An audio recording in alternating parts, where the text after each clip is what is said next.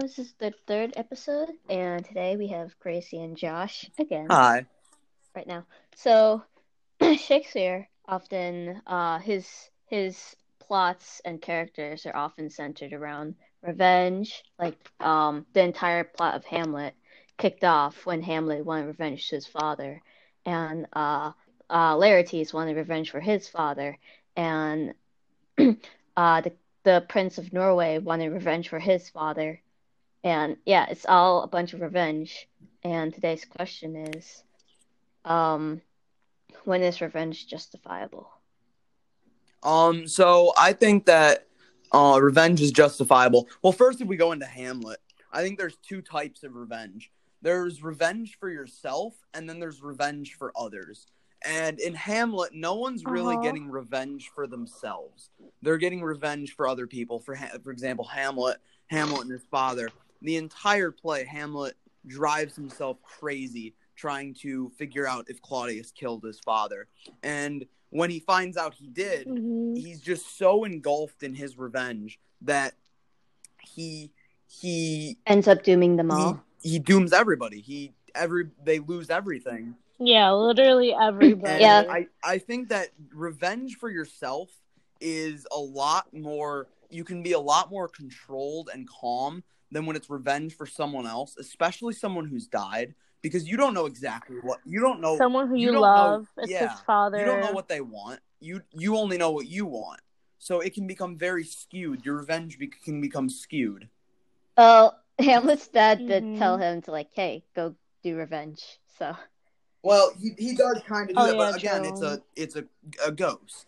yeah, it's a ghost. Who we aren't even It's sure not. if it's it real. wasn't his actual father telling him, "Hey, I feel like a lot of it was just him inside his own head, in Yeah. my opinion. I feel like a lot of it was just his mental health and everything inside his head. But in my opinion, revenge, I feel like, I mean, I feel like first that's a pretty vague question. And like, I feel like depending on the situation, I mean, I don't think that revenge is good. I feel like, in my personal opinion, I feel like karma's gonna do its own thing. But obviously, in Hamlet, we can't really put that in context. I just feel like he, I feel like Hamlet really got out of his own way trying to do the revenge, and it became something more than it was. Like I feel like it he, became more he of his lost own- himself." Yeah, he lost himself. It became his own. Like it, it started off becoming like, okay, I'm gonna get revenge for my father, but I feel like it started becoming more selfish Yeah.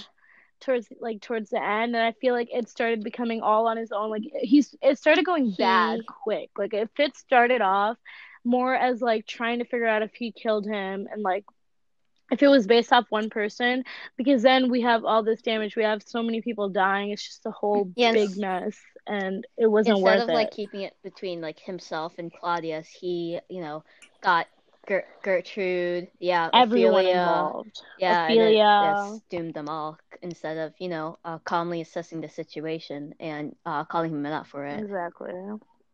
But obviously, you can't really blame him for that again. It was really all mentally. But I feel like, uh, honestly, I feel like a mentally sane person wouldn't want to, wouldn't think of revenge at the time as much. I feel like they would just let it play out. I, I don't think they would want to just go straight to killing the person. Yeah, I don't know. I feel like that's It's- just me. I feel like his mental health and how he acted toward the situation had a lot. That do like all all three of those all three of those characters uh, who wanted revenge for their fathers, they were all very rash and you know, uh, again, yeah. Very. and uh, yeah. revenge revenge create is a very weird emotion it, it creates an emotion of you it, it's a drive you want to do that one thing so very bad and when you finally do it there's that relief but it's not a relief it's a def- you, you feel defeated he and when when hamlet killed claudius Mhm. you there was a look on his face of relief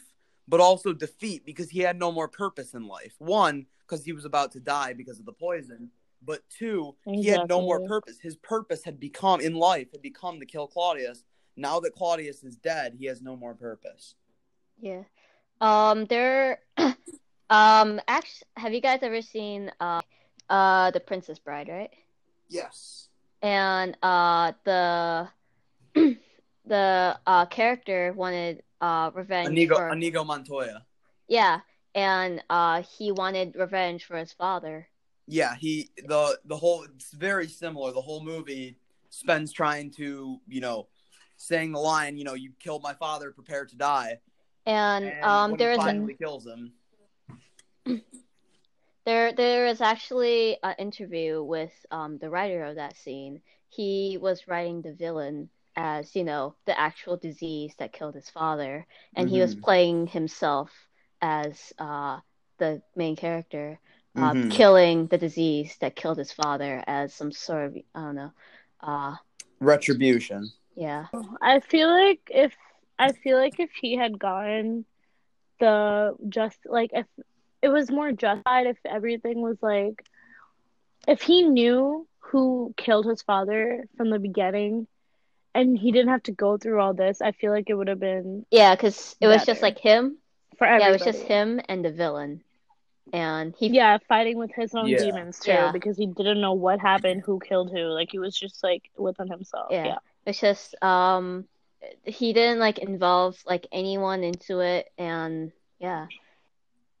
Okay, so what do you guys think is the way where in real life we can connect how why revenge is justifiable, not just in Hamlet, like in the real in the real world? Well, um revenge it's when when a person isn't punished for some some something they did that wronged you, may, then it's justifiable because there has to be some sort of, you know, rep- retribution for that crime that they did. Because then if they just continue like so you're saying that if so you're saying that if they've already been punished by someone else, by like the justice system or whatever, then they sh- it shouldn't be the need for revenge. But if they haven't been and they're just like let go of like freely or whatever, then it's justifiable. Is that what you're Uh, saying? yeah, because if they Yeah, already, you know, got that. their cr crime, then there's no reason for, you know, do some more and get Okay, yeah, yourself I in agree trouble. with that too.